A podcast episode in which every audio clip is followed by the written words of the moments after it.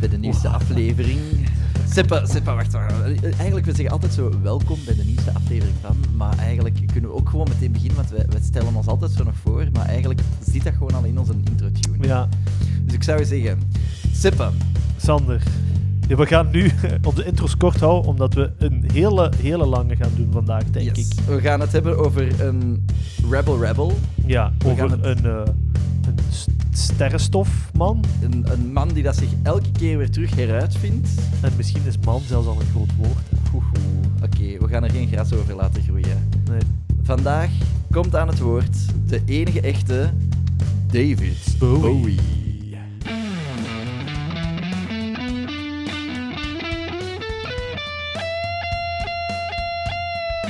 Liever snel naar de hel met Seppe en Sander. Eh, waar we wel deze keer ook weer gaan beginnen, is bij het begin. hè. Yes. Dat gaat nu niet veranderen. Ehm, David Robert Jones wordt op 8 januari 1947 geboren in Brixton. Dat is in, in Engeland. Zuid-Londen, hè. Ja. Ja, voilà, dicht bij, bij Londen. Eh, toch wel een belangrijke jeugd gehad. Hè? Dus ehm, hij wordt geboren... Belangrijk. ja, ja. ja, Ja, allee, sommige mensen hadden zoiets van, "Oh, weet je, dat, dat, dat maakt er nu niet zoveel uit. Maar hier, eh, toch wel belangrijke jeugd Ja, gehad. belangrijke jeugd, dat is waar. Ja. Pa, lieve man, daar komt het eigenlijk op neer. Ook wel, de pa had altijd wel zo wat interesse ook in die entertainment business. En ja, als je dan niet in de entertainment business kunt komen, dan gaat je PR doen. hè. Tja, ik, ik, ik herken het. Dus hij was PR... Of dan, of dan beginnen zelfs een podcast. Hè. En, Ja, eh, ja, voilà. voilà. Maar dat is eh, een PR-man ehm, Ja. eh, voor, voor een... Voor een, eh, een eh, Liefdadigheidsinstelling. ja, eh, dus eigenlijk voor een weeshuis. Ja, Ehm, ja. Wel heel weinig ouders die op de spaghettiavond kwamen. Dat was wel... ehm, Ja, dat hebben ze een PR toch niet zo goed gedaan. Nee, voilà. Ehm, Eh, maar effectief, eh, en dan eh, zijn, zijn moe- moeder is Margaret Mary, of, of Peggy wordt ze ook wel genoemd.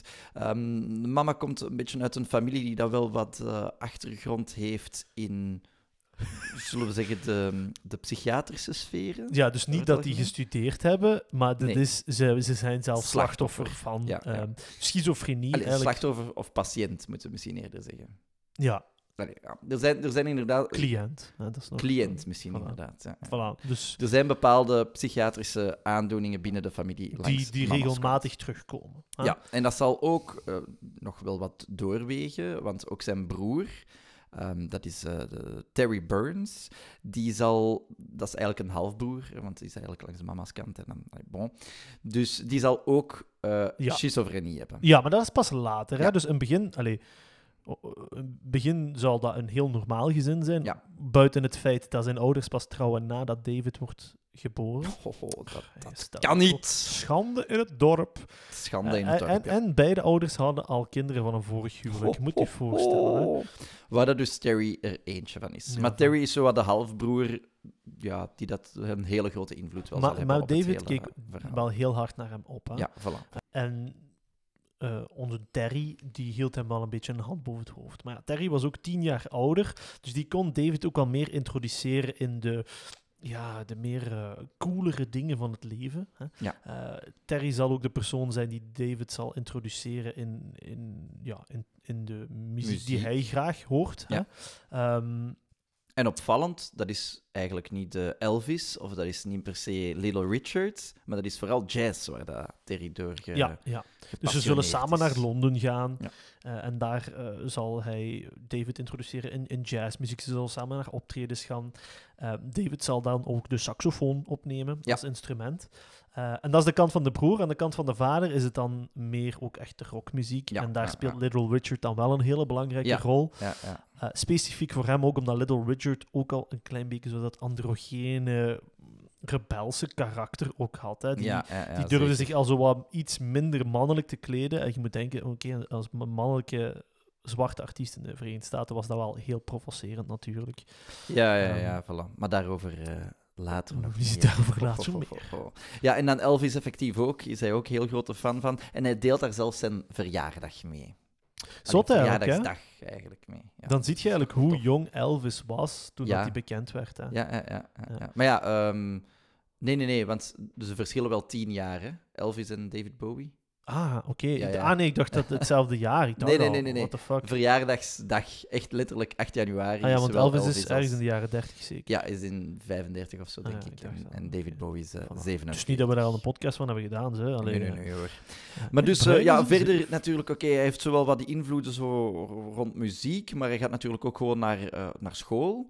Op school heeft hij ook eh, de reputatie van wel een heel begaafd, maar ook vastberaden en uitdagend kindje te zijn. Ja. Het is een beetje een vechtersbaasje, kunnen we ook wel zeggen. Ja, ja, en hij wil zich toch wel ook onderscheiden. Hè? Ja. Eh, door een beetje andere klederdracht te doen, binnen het mogelijke natuurlijk. Ja. Zo wat coolere zonnebrillen opdoen. Ja, Dus eh, hij wilde er ook wel altijd een klein beetje bovenuit staan in, in, in de looks. Ehm, Ja. En hij heeft van jonge leeftijd natuurlijk ook wel al wat interesse voor de vrouwtjes. Hè? yes, yes, Eh, yes. maar hij is dan natuurlijk niet de enige. Nee. Hij heeft nee, een goede nee, kameraad, eh, Mr. Underwood. George Underwood. George inderdaad. Underwood. Ehm, en ze zijn toch wel niet verliefd op hetzelfde. Godverdikken, hè. Eh, ja, George. er is een interview met hem waarin hij zegt van... Kijk, ik was eigenlijk samen met dat meisje, maar ja, onze David die zat daar met zijn polletjes ook aan. Dus ik heb hem eigenlijk een joef op zijn mullen gegeven. Waardoor dat David Bowie feitelijk gewoon in het ziekenhuis is beland. Dus Ja. eh, don't mess with eh, George Underwood. Ehm, David Bowie die zal dan een twee, drietal operaties moeten hebben om eigenlijk zijn zicht, dat, dat oog te herstellen, waar dat hem een, een joef op zijn mullen heeft gekregen. Eh, waardoor dat hij permanent een vergrote oogpupil zal hebben. Ja. En dat wordt dan ook alweer de signature characteristic van David Bowie. Ja, met de twee verschillende oogkleuren eigenlijk precies heeft. Voilà, later zou David hebben gezegd tegen George Underwood van mijn hey, dikke merci, want eh, dat heeft me toch wel goed geholpen. Ja, Mijn signature eye. Voilà, voilà. Eh, Nee, voilà. Maar en eh, George Underwood, die, die relatie die komt eigenlijk ook wel, wel goed. Hè. Het, is, het is niet alleen tussen dat meisje, dat weet ik eigenlijk niet exact, maar wel tussen, tussen George Underwood en, en David Bowie. Allee, oh, Bowie, dat kunnen we nu nog niet zeggen. David Jones moeten we op dit moment nog altijd zeggen. Eh, want die twee die gaan ook in een, een bandje uiteindelijk starten. Hè. Dus David heeft al heel snel het idee van, ik wil met die muziek eigenlijk wel iets gaan doen. Hè, met saxofoon. Hij is ondertussen ook wel wat piano beginnen spelen. Zo wat alles, hè, ook zo wat gitaar. Hij heeft ook een hele grote aanleg blijkbaar voor de blokfluit, maar daar doet hij nu niet zo ontzettend veel mee. bah, daar gaat hij later wel veel mee doen. Hè, met, Ja. eh, maar met een ander blokfluit. maar in 1962 start hij een van zijn eerste bands, zou ik zeggen. En dat is de Conrads met George Underwood. ja, inderdaad. En eigenlijk op dat moment is het voor David helemaal beslist. Hij zegt van, ik wil popmuzikant worden. Nu, er is enkel één probleem, want als je popmuzikant wilt worden, dan moet je natuurlijk ook wel wat goede muziek wilt maken, eh, goede muziek maken. En hoewel dat David Bowie of David Jones wel goede muziek maakt, eh, zijn zijn medemuzikanten niet goed genoeg Ja, ja, volgens hem. Maar, dus dat was ook het ding. David Bowie had zoiets van, kijk, ik wil muzikant worden, koste wat het kost. En George Underwood die had al na een tijdje zoiets van, "Pff, ik wil eigenlijk niet echt in de muzieksector zitten. Ik ga illustrator worden, wat hij ook wordt. Yes, Eh, een yes. heel belangrijke illustrator wel. En die zal ook later in de carrière van David Bowie nog zo wel wat dingetjes voor hem doen. Ja. En David had echt zoiets van, wat? Jij stopt? Ja, maar, en muziek dan? Hè? Dus die had al zoiets van, kijk, dit is mijn ding, hier wil ik voor Ja. gaan. En George Underwood had zoiets van, "Ah, geen zin in. Nee. Dus ja, weet je, eh, op en gedaan. We zitten in het jaar 62, 63. Dat betekent ook, wie maakt zijn rise to fame? Dat zijn de Beatles. Yes, yes, dus yes, eh, yes. onze David Bowie had ook zoiets van, ja, ik wil, eh, ik wil ook zo. Dat Ja. wil ik ook doen. Tegelijkertijd, jaartje daarna, uppakee, de Rolling Stones, juist van hetzelfde achter. Allee, kom nou. Dan moet je toch gaan werken, hè? Dus wat gaat David Bowie doen? Hij stopt dan uiteindelijk met de Conrads en hij gaat dan nog een- heel veel verschillende andere bandjes doen. Je hebt de King Bees, Lower Third, The Managed Boys. Hij gaat al die verschillende bandjes doen, waarbij dat hem ook zelfs professioneel gemanaged gaat worden en ook wel wat meer dat, dat professionalisme in die muziek en in zijn carrière wel wat een boost wilt geven. Eh, en het gaat zelfs een beetje dus een politiek activisme ook ontwaken, want in, in The Managed Boys Ehm, gaat hij zich ook eigenlijk wat ontpoppen tot eh, oprichter en voorzitter van de Society for the Prevention of Cruelty to Long-Haired Men. Ja. Want wat is er op dat moment? Is er eigenlijk... ehm, ze moeten volgens mij spelen bij de BBC, of ze mogen spelen bij de BBC, maar ze hebben lang haar. En de BBC zegt zo, ja jongens, we gaan dat wel wat, eh, we gaan dat wel wat knippen. Hè. We gaan hier wel een beetje wat deftig zijn. We kunnen, dat, dat kan hier eigenlijk niet. hè. En dus David Bowie die vindt dat schandalig dat dat aan hen wordt gevraagd. Dus gaat hem zich eigenlijk zo wat ontpoppen tot ja, ehm, tot een voorvechter voor het, het lange haar te mogen dragen. En hij gaat dat dan ook zo wat uit, eh, uitspelen tijdens, hun, eh, tijdens het interview op de, op de BBC. Ja, dat en dat klopt. is ook wel een klein beetje een, een teken, of, of iets dat David Bowie regelmatig gaat gebruiken, is... Oké, dat is dat aan androgyne natuurlijk voor een deel, maar het is ook... Of androgene voor een deel.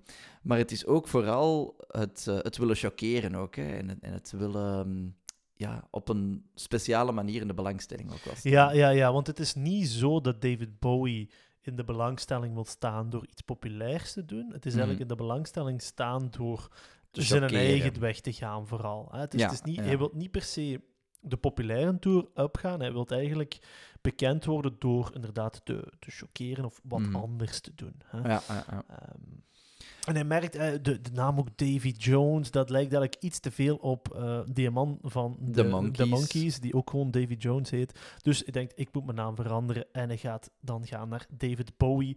ehm, wat dan eigenlijk gelinkt is aan een of andere eh, Amerikaanse pionier. Die heet James Bowie. En die ook gewoon het, de Bowie Knife Ja. ehm, heeft gepopulariseerd.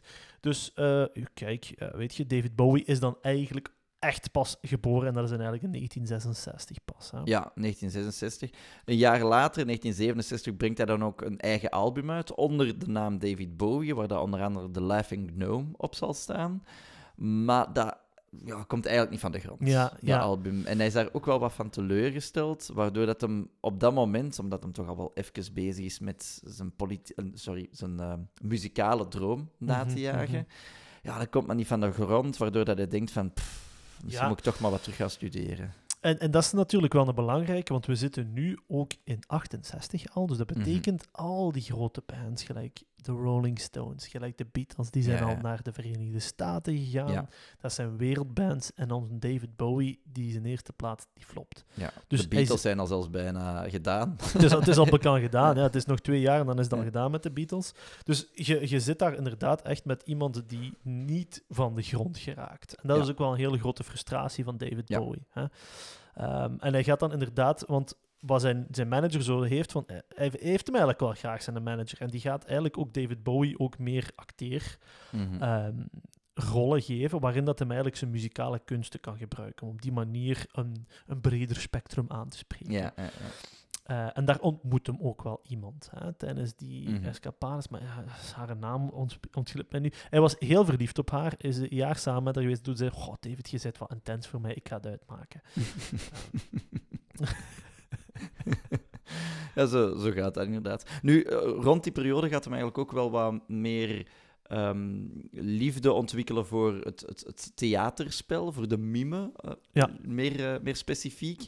Ehm, hij gaat dan ook een bandje zo wat starten, met, ehm, waar, waarin dat al zo die mime ook wel wat centraal staat, zal staan, waar dat folk ook in wordt gecombineerd, waar beat poetry ook in wordt ge- gecombineerd.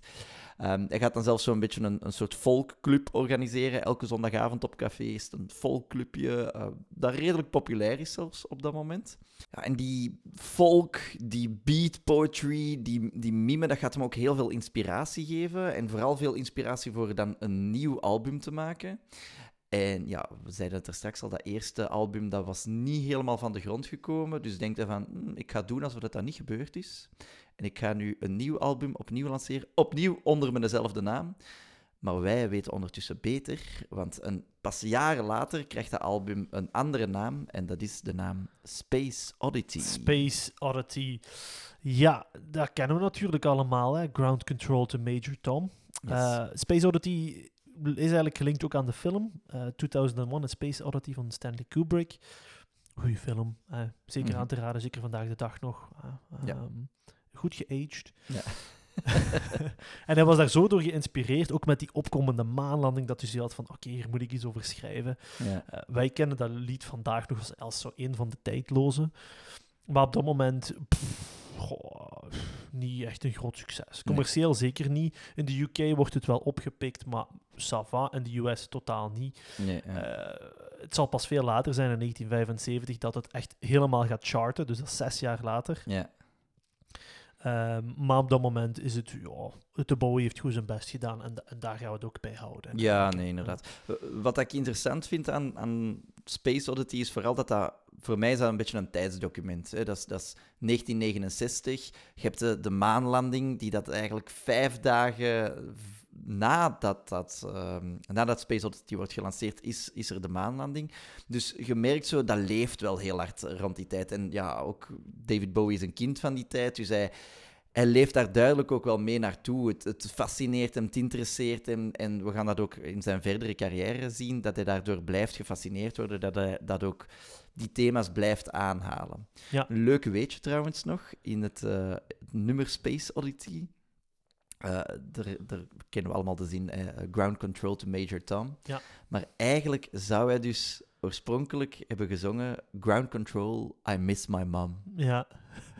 En toen zei Ground Control, allee jong, doe toch niet zo'n hoezo. Doe, doe niet zo flauw. En dat is oké, sorry, Major Tom. Maar Ja. dus dat zal ook wel een hele belangrijke periode voor hem zijn, ook in termen van inspiratie natuurlijk. Want zijn Ja. mime-act zelf ook, dat zal ook vrij politiek ehm, kritisch zijn, want dat gaat dan eigenlijk over de Chinese inval in Tibet. Ehm, Ja, ja, dus ook niet een licht thema. nee, voilà, ja. hoe je dat uitbeeldt met gewoon zo wat Ja.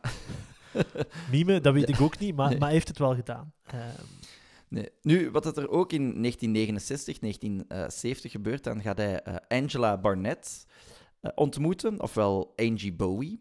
Dat is een, een meisje waar dat hij verliefd op wordt, waar dat hij mee gaat, gaat trouwen. Goh, moeten zeggen, het is al meteen vanaf het begin een heel speciaal huwelijk. Eh, er wordt eigenlijk al vanaf het begin gezegd dat het...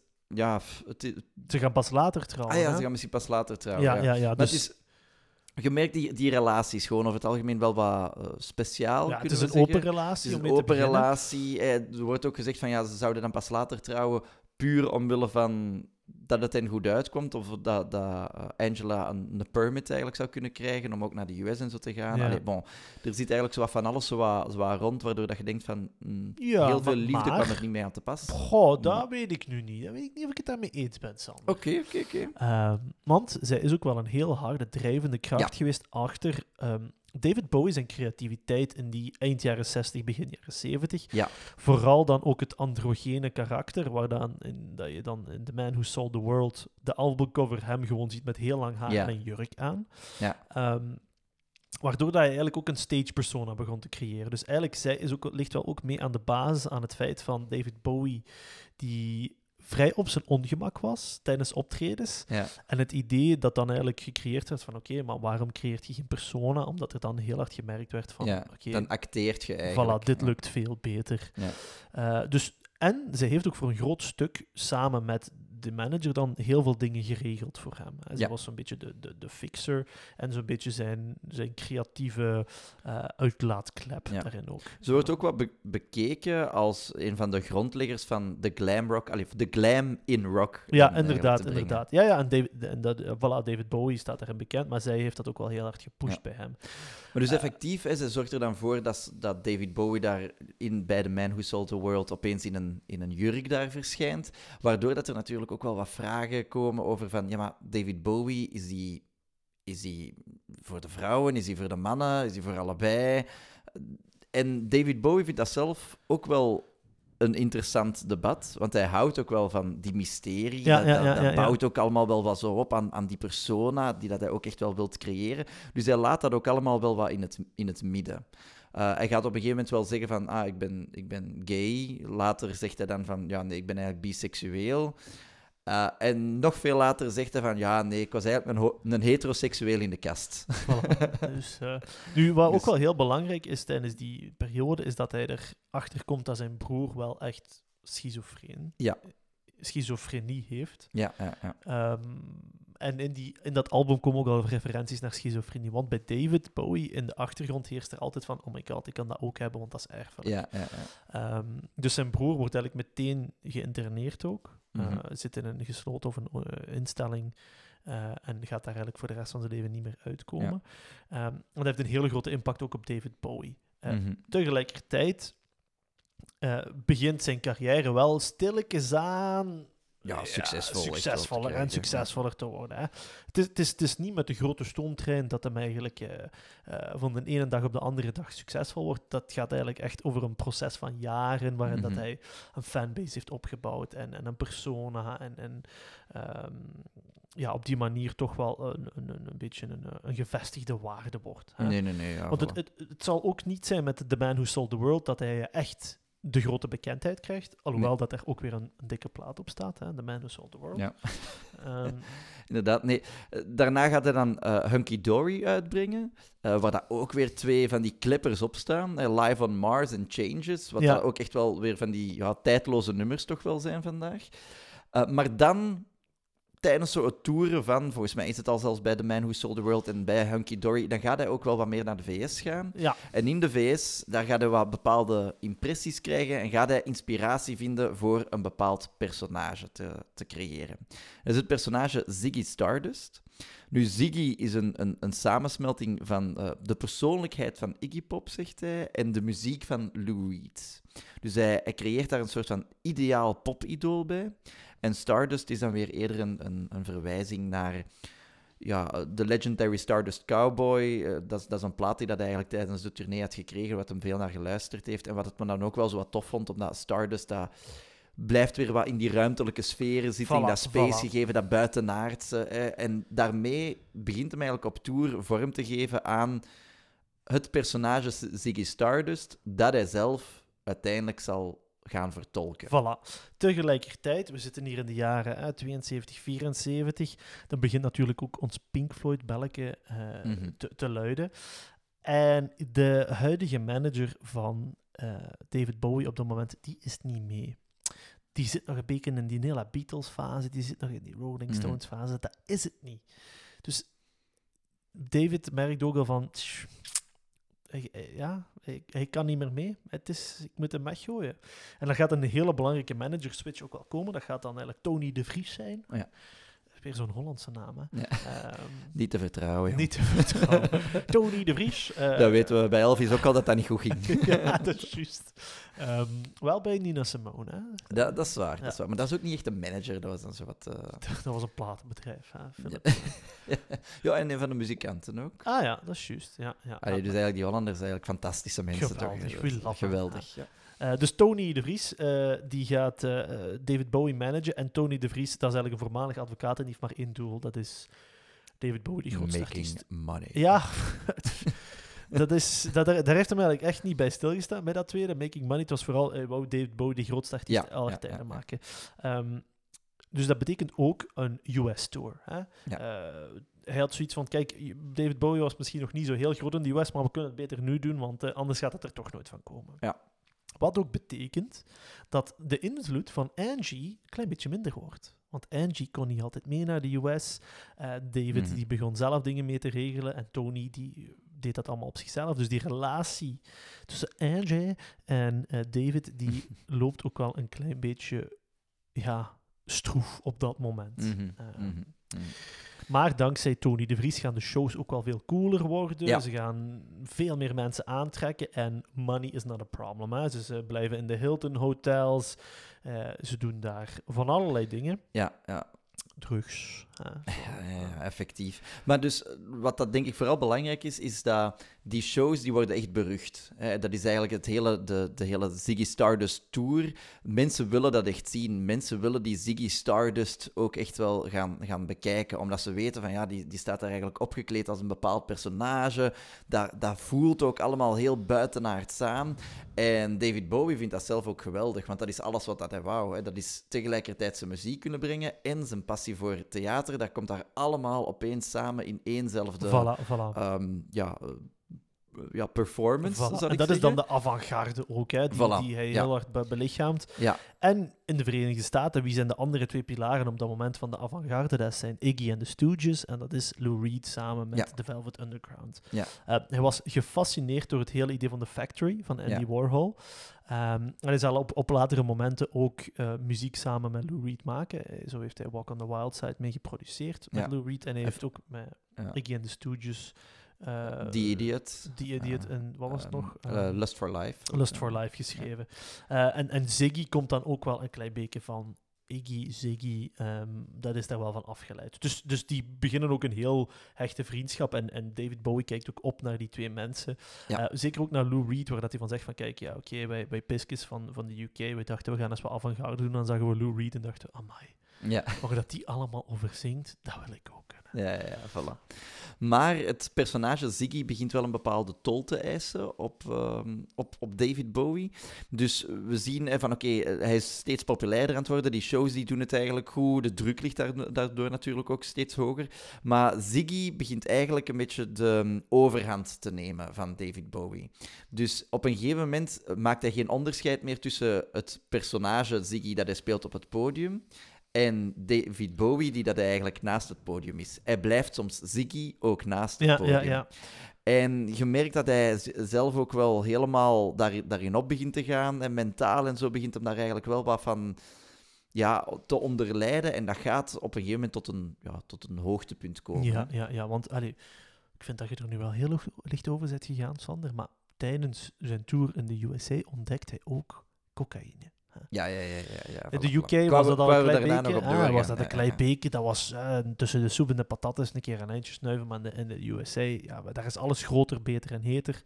Dus dat was eigenlijk ook aan de, aan de lopende band. Wat ook niet echt heel goed voor hem was. Blijkbaar zat hij in een soort van permanente status van paranoia. Was hij Ja. altijd op zijn ongemak.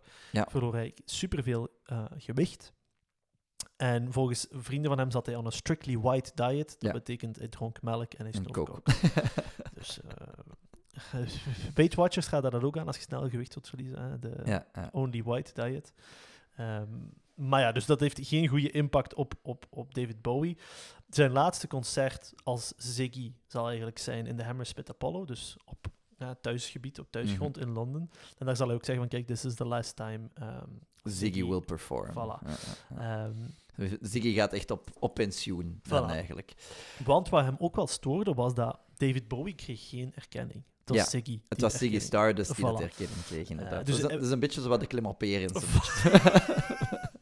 Voilà, ik was juist hetzelfde aan het denken. Je moet denken, op dat moment is David Bowie 26 jaar. Hè, dus nog een jonge knaap en hij wou Ja. eigenlijk al met pensioen gaan. ja, Eh, ja, ja. Dat duurt niet zo heel lang eigenlijk. Maar dus effectief, na Ziggy Stardust begint die cocaïneverslaving ook echt wel zijn, zijn tol te eisen. Hij gaat dan ook nog wel ehm, het album Diamond Dogs uitbrengen, waar dat Rebel Rebel op staat. Rebel Rebel eigenlijk een van zijn eerste ehm, nummer 1 hits dat hij zal uitbrengen. Maar ja, je ziet eigenlijk in 1974 dat hij echt helemaal bleek en uitgemergeld is, dat hij emotioneel instabiel is. En dat, ja, dat komt ook tot uiting in een bepaalde documentaire, waarbij dat, hij zelf zegt van ja, ik was niemand meer op dat moment. Ik, ik werd geleefd. Nu, dat gaat hem dan niet tegenhouden om ook nog wel echt goede muziek te maken. Dus we zeiden het al, Rebel Rebel, maar ook Fame gaat hij bijvoorbeeld naar Mhm. buiten brengen in, in 1975 dan. Dat heeft hij dan samengeschreven met John Lennon. John Lennon die dat eigenlijk over de muziek van David Bowie zei van ja, het is eigenlijk rock and roll but with lipstick on. Ja, En ja, je ziet ook wel dat hij ook het, het zwarte pu- publiek steeds meer voor zich ook weet te winnen. Wat wel eh, opmerkelijk was, want heel veel pro- Britten probeerden in die tijd eigenlijk ja, die rock and roll wat, wat mee te hebben en probeerden zogezegd zwart te zijn. En David Bowie probeerde dat niet echt, maar hij slaagde er wel in om eh, heel het publiek wel wat mee te krijgen met zijn muziek. ja en dan, dan gaat dat ook iets benoemen, dat is de Plastic Soul eigenlijk ook. Ja. Hè? Dus eh, misschien nog even wel een belangrijke, dus die coke, daar, verslaving, daar komt ook eigenlijk een album uit, dat is de Aladdin Sane. Ja, ja, ja. Eh, waar dat hij ook live gaat toeren en dan eens een keer instort door te veel coke hebben gedaan. dus classic natuurlijk ook. Ja. Ehm, zien we regelmatig hier. Voilà, voilà, voilà. eh, Moet een keer passeren, gebeuren in uw carrière ook. Ehm, en eh, ja, kijk, die Plastic Soul is ook een beetje een verwijzing naar van, hey, kijk, ik probeer zwarte muziek te maken, maar ik ben eigenlijk niet zwart. Hè? Dus eh, give Ja. me your best, give me your worst. Maar eigenlijk werd dat wel geapprecieerd door dat publiek. Ja. En ze zeggen ook inderdaad, gelijk jij zei, van, ja, eigenlijk is hem daar wel in geslaagd. Mhm, mhm. Eh, dus hij neemt daar een gezonde afstand van door dat niet zelf soul te noemen, maar plastic soul. En dan zit je in een soort van veilige grijze ja, zone. ja, voilà, Een voilà, beetje voilà. zo het, het Beastie Boys-achtige Ja, eh, eigenlijk wel. Ja, ja. eh, ding wat we ook voor, eh, in vorige seizoen hebben gezien. Ja. Ehm, ja, en dan zitten we eigenlijk midden jaren 70, richting eind jaren 70. Ja. Hij is nu wel echt heel bekend. Hè? Eh, de, de Space Oddity is nu wel nummer 1. Ja. hij, hij schrijft een liedje samen met John Lennon. Fame, heel belangrijk. Dat gaat een, een knaller van een hit worden in de USA. Ehm, hij begint er ook achter te komen dat zijn manager eigenlijk eh, nooit geld voor hem heeft gespaard. Dat hem eigenlijk poep, poep, poep, poep arm is. Mhm. Ehm, dus eh, hij gaat dan eigenlijk ook zeggen tegen John Lennon: Ja, ik dacht dat die, eh, die Antoni de Vries eh, hier of weet hem daar. dat, dat, dat, dat gaat hier niet. En John Lennon, die ondertussen al vrij veel ervaring heeft met moeilijke mensen, gezegd: Ah, wel, manneke, we gaan de rest een keer oplossen. Ehm, dus ehm, meneer de Vries wordt buiten gekegeld. Ja, dat is al de tweede dan. Hè. Ja, inderdaad. inderdaad. Nee, ja, voilà. En hoewel dat eigenlijk allemaal wel voor de wind gaat, hè, dus alles gaat eigenlijk heel goed, blijft zijn, zijn zal zeggen, mentale eh, welzijn blijft eigenlijk wel wat eh, onderbelicht. Zijn hele cocaïneverslaving weegt ook nog steeds verder op hem. En rond die periode, rond de eind jaren 70, gaan er ook eigenlijk heel veel van die ja, controversiële verhalen de doen over David Bowie. Namelijk dat hij ook bepaalde nazi-sympathieën zou hebben. Eh, dat komt omdat hij op een gegeven moment in een, in een, ehm, in een interview in Stockholm een uitspraak doet zoals ja, Britain could benefit from a fascist leader. Moet het misschien niet zeggen, zeker niet in eh volledige Koude Oorlogsperiode.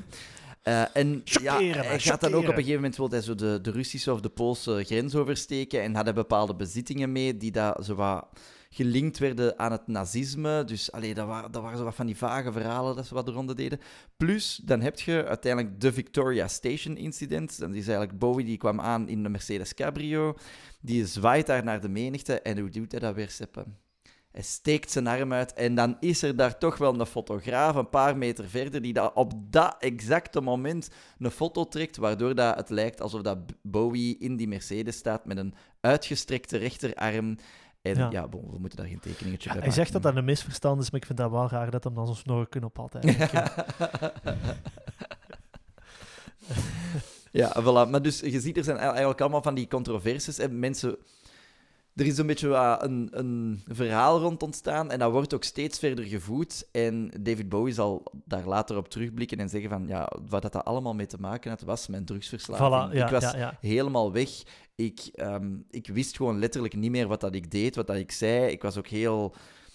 Ja, ik, ik, ik was verstijfd eigenlijk van die, van die cocaïne en ik kon, geen, kon niet meer vriendelijk zijn. Ik kon niet meer met mensen eigenlijk deftig babbelen. Eigenlijk, ja, ik, ik zat in een, in een eigen closed community en ja, dan zeg je dingen die dat je eigenlijk niet wilt zeggen of dat je niet weet, die dat je niet meent, die dat je... Ja, ja, ja. En, maar het voordeel is natuurlijk wel, omdat hem zoveel persona's heeft, hè, dat dan op dat moment is hem de Tin White Duke. Ja, ja, ja. Ja, weet je, eh, als dat dan een beetje eh, controversie krijgt, dan verandert het gewoon van persona opnieuw. Hè? ja. Eh, Dus op dat moment, eh, daarna, dat is allemaal een dik probleem. De Tin White Duke wordt terug eigenlijk achtergelaten. Ehm, ja. En hij Ja. gaat dan eigenlijk herbronnen, vooral. ja, herbronnen. Nu natuurlijk, als je dan een beetje wat wordt, eh, wordt verweten om nazistische ideeën te hebben, waar kunnen dan beter herbronnen, Seppe?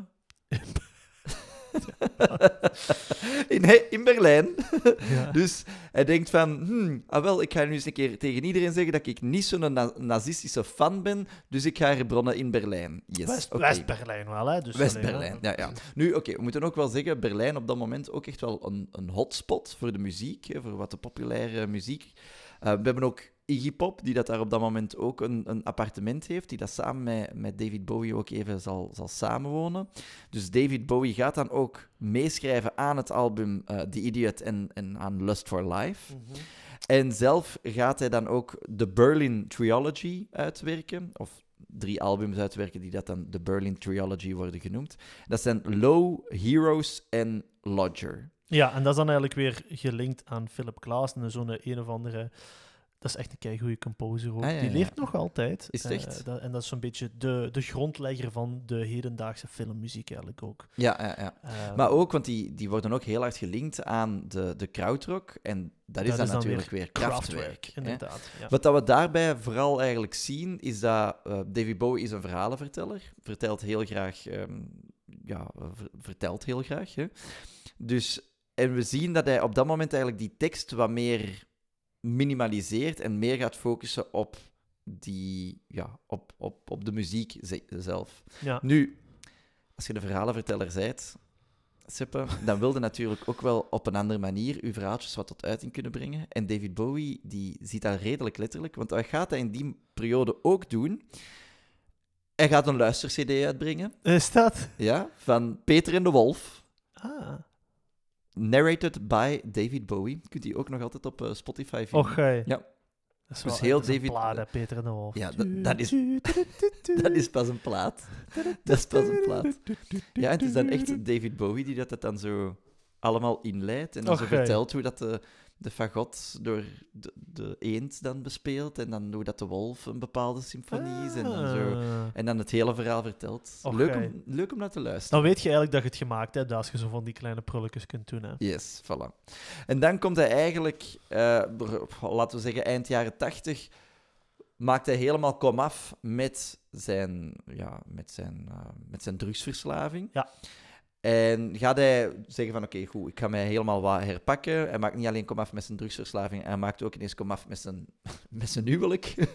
dus ook Angie wordt buiten gekieperd. En dan denkt hij van, oké, ik ga me weer terug wat meer op de, de populairdere muziek gaan focussen. En gaat hij zo wat meer ja, de disco-tour op gaan. Hè? Ja, ja. En pff, dat gaat hem, hij hij gaat dat even doen.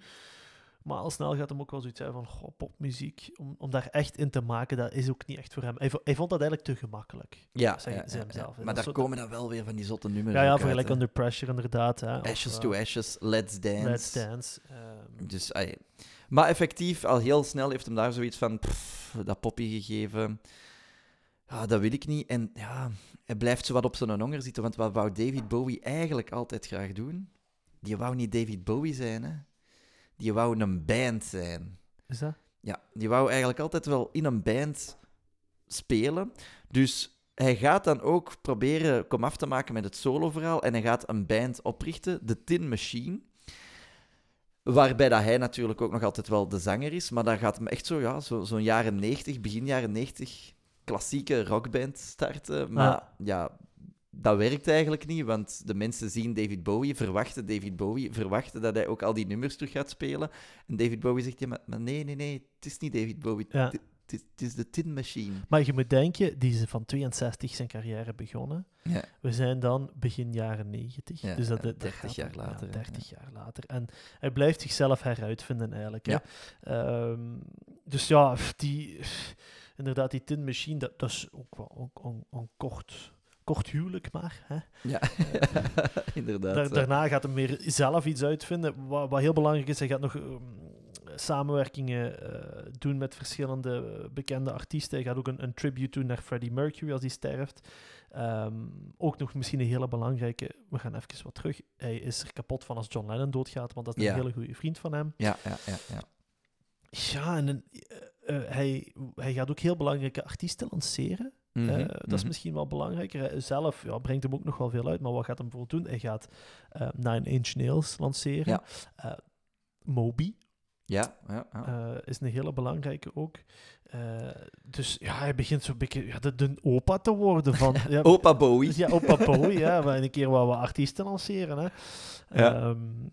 Maar ook daar, hij blijft ook nog altijd wel zelf muziek maken. Hè? Want na zijn, ik zal zeggen, zijn escapade met dan de, de, de Tin Machine, gaat hij ook weer opnieuw full solo gaan. En gaat hem dan ook albums uitbrengen, zo wat meer elektronische albums. hè, Zo ja, Black Tie, White Noise, The Buddha of Suburbia, Outside, The Earthling.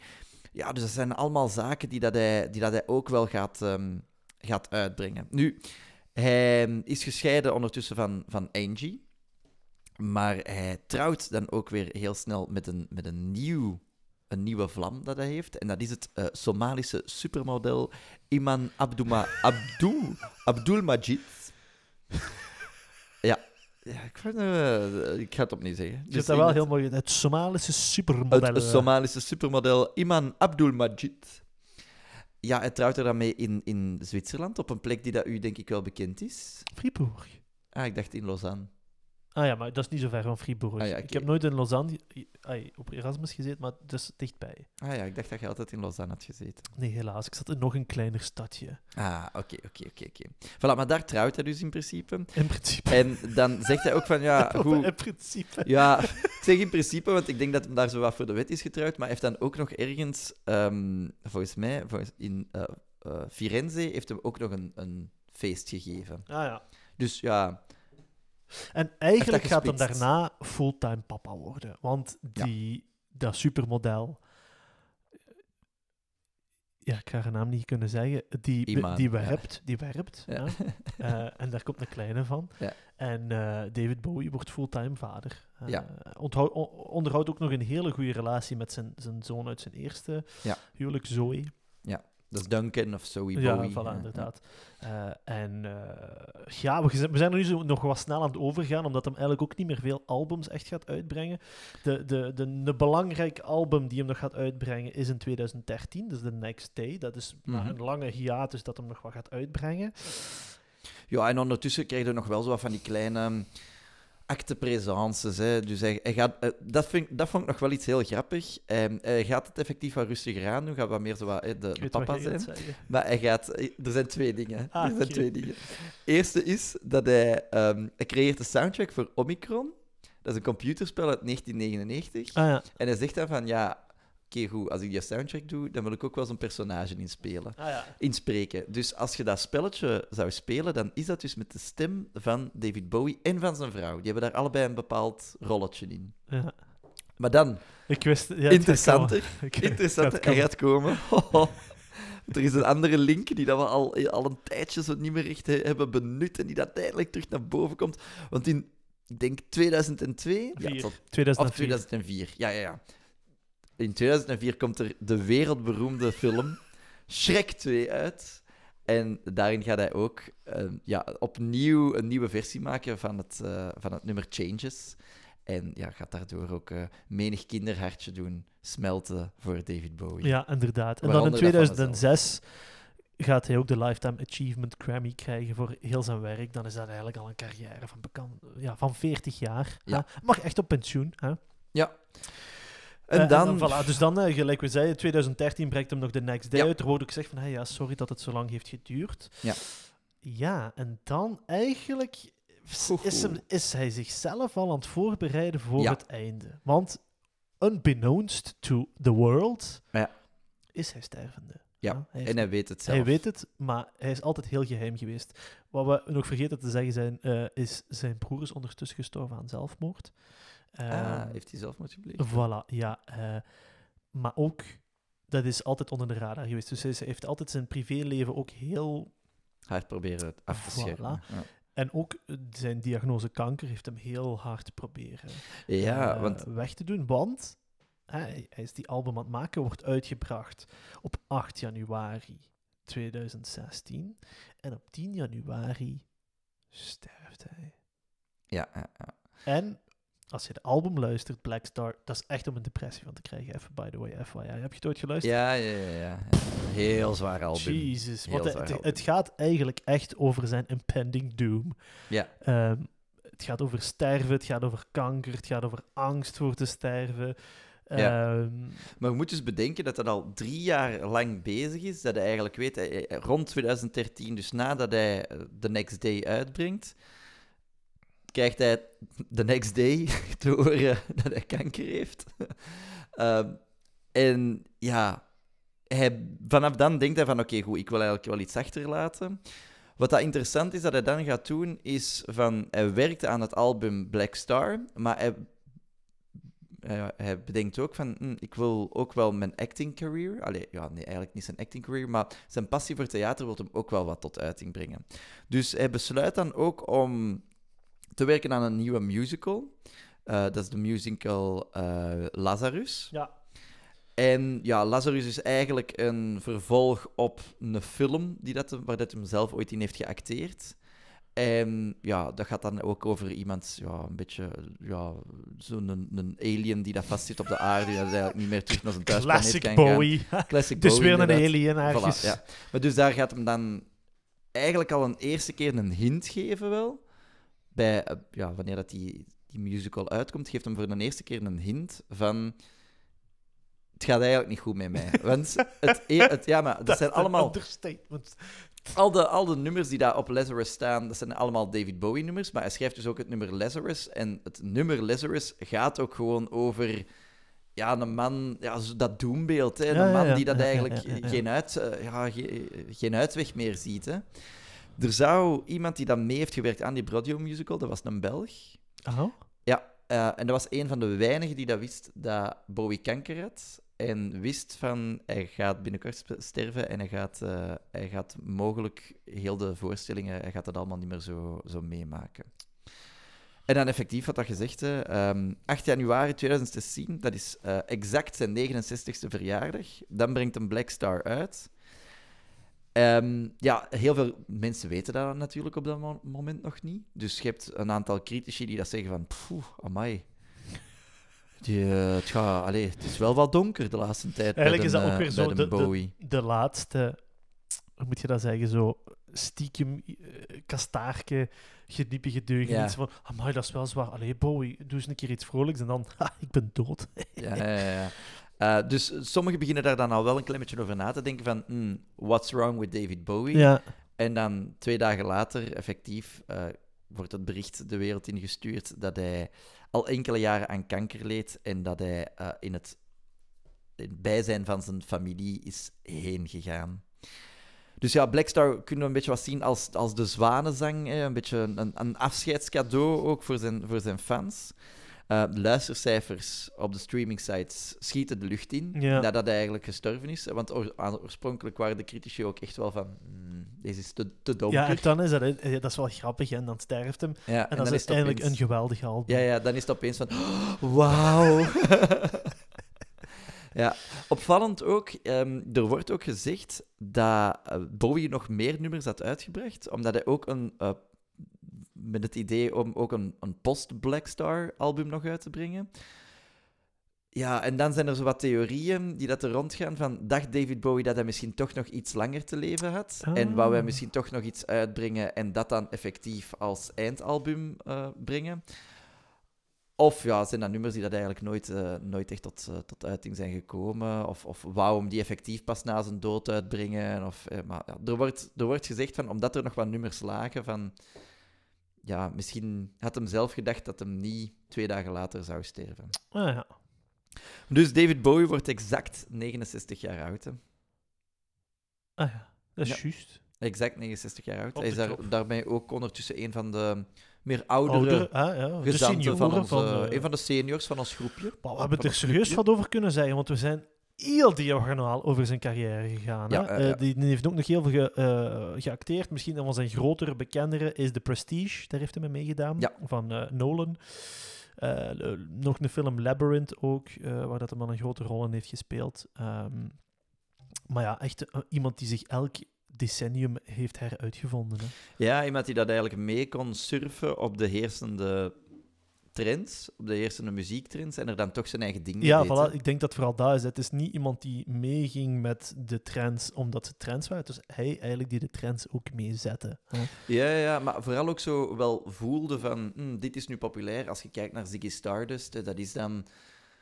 Ja, dat is de punkperiode. Dus hij, hij, hij voelt dat dan ook wel. En hij, hij pakt een beetje van die punk. En dan denkt hij van, maar ik doe er wel mijn Ja, voilà. Het is, dus dat is wat heel veel mensen ook zeggen. David Bowie kon heel goed ja, ideeën van andere mensen pakken en die samenbrengen tot iets nieuws. Ja, en tot iets beters vaak. ja, ja, ja. ja, Allee, ja. Want ook eh, de disco-periode, dan ook jaren tachtig, ja, alleen Fame en dat soort zaken, dat is ook zo...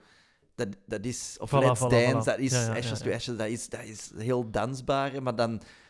Dat is toch geen pure disco. Voilà. Ja, ja, nee, nee, nee, dat is waar, dat is waar, dat is waar. Ja, en dan, dan, hij, maakt iets, hij maakt er iets van zichzelf voor. En, en dat is ook hetgene waarin dat hij heel hard geapprecieerd ook door, andere artiesten. Mhm. Eh, maar het is niet vanzelf gekomen voor hem. Hè. Hij heeft er wel echt hard voor moeten werken. Mhm.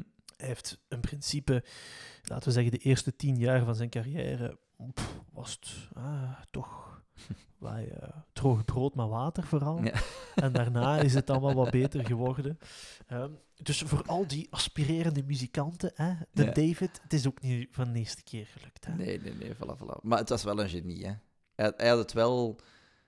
De muzikale feeling had hem wel in Ja, zich. ja, ja, sowieso, sowieso, sowieso. En dan effectief het, het blijven experimenteren met het, het theatrale gewoon ook. Hè. Ja. Allee, ik denk het, het idee van niet gewoon als rockartiest daar te staan, maar een show neer te zetten, dat komt wel echt van hem ook wel. Ja, Allee, eh, of niet, hij gaat niet de enige zijn, hè, maar hij zet daar wel iets neer. En als je nu, als je nu denkt aan, aan een Muse bijvoorbeeld of zo, die dat daar echt zo'n hele futuristische show van maken, ja, allee, Tuurlijk, tuurlijk. Bands, Dat- bands zoals eh, Kiss en zo, heel die glam rock, Queen, Ja. die, die ook gewoon direct eh, hun inspiratie van, van David Bowie hebben gehaald. En ook als cultureel figuur, hè, want je moet je wel voorstellen dat er ook een hele community is van, Mhm. van tieners die wel struggelden met hun seksualiteit en Ja, niet ja, goed ja, wisten wat dat hun gender en et cetera was. Dat David Bowie daar wel zo als een icoon, of blijkbaar heb je ook iets, dat is een bicon, ehm,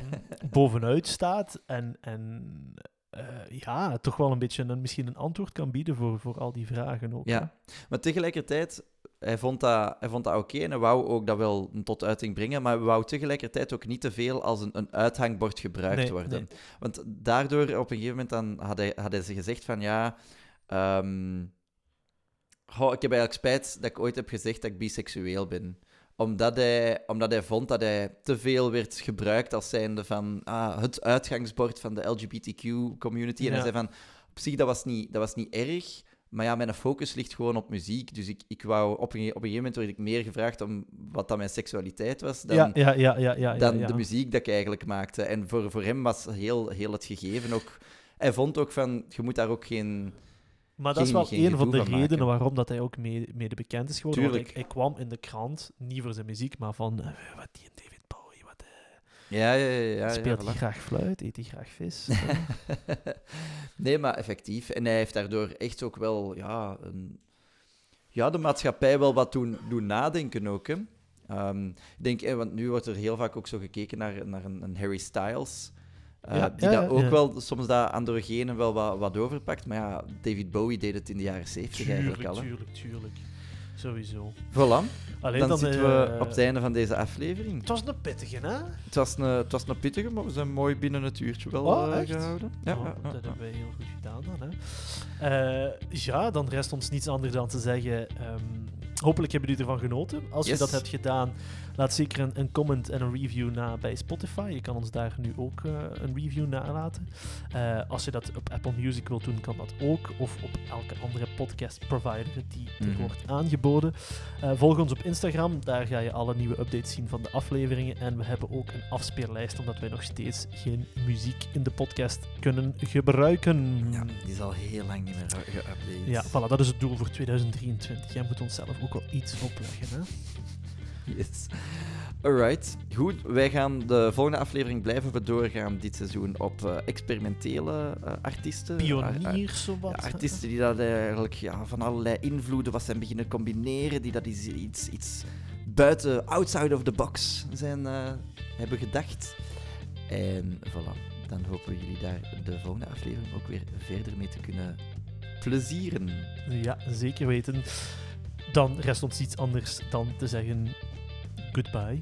Dag en bedankt. Hè. Voilà. En Adieu. tot de volgende. Doei. Yo.